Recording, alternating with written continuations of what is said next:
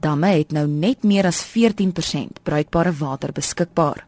Daar is vroeër aangedui dat die provinsie 'n gesamentlike verbruik van 600 miljoen liter 'n dag moet haal vir besparing om moontlik te wees.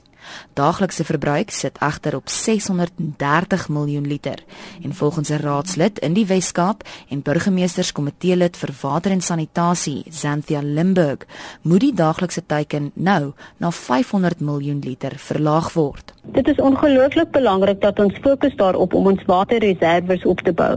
Die gevaar bestaan dat ons meer water gaan begin gebruik as wat ons mag weens die kouer en natter weer. Die punt bly staan dat ons damvlakke kritiek laag bly, veel laer as gewoonlik vir die begin van winter. Ons weet nie hoe die reënval vorentoe lyk nie en dus moet ons seker maak dat ons water spaar terwyl ons dit het. Limburg vra dat Wes-Kaapenaars reeds begin om in lyn met vlak 4 waterbeperkings op te tree, ongeag of dit amptelik ingestel is of nie.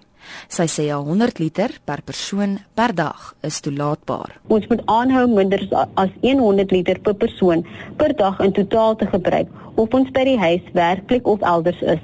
Dit gaan lank neem vir ons damvlakke om te herstel en ons verwag dat ons 'n moeilike somer 2018 gaan hê.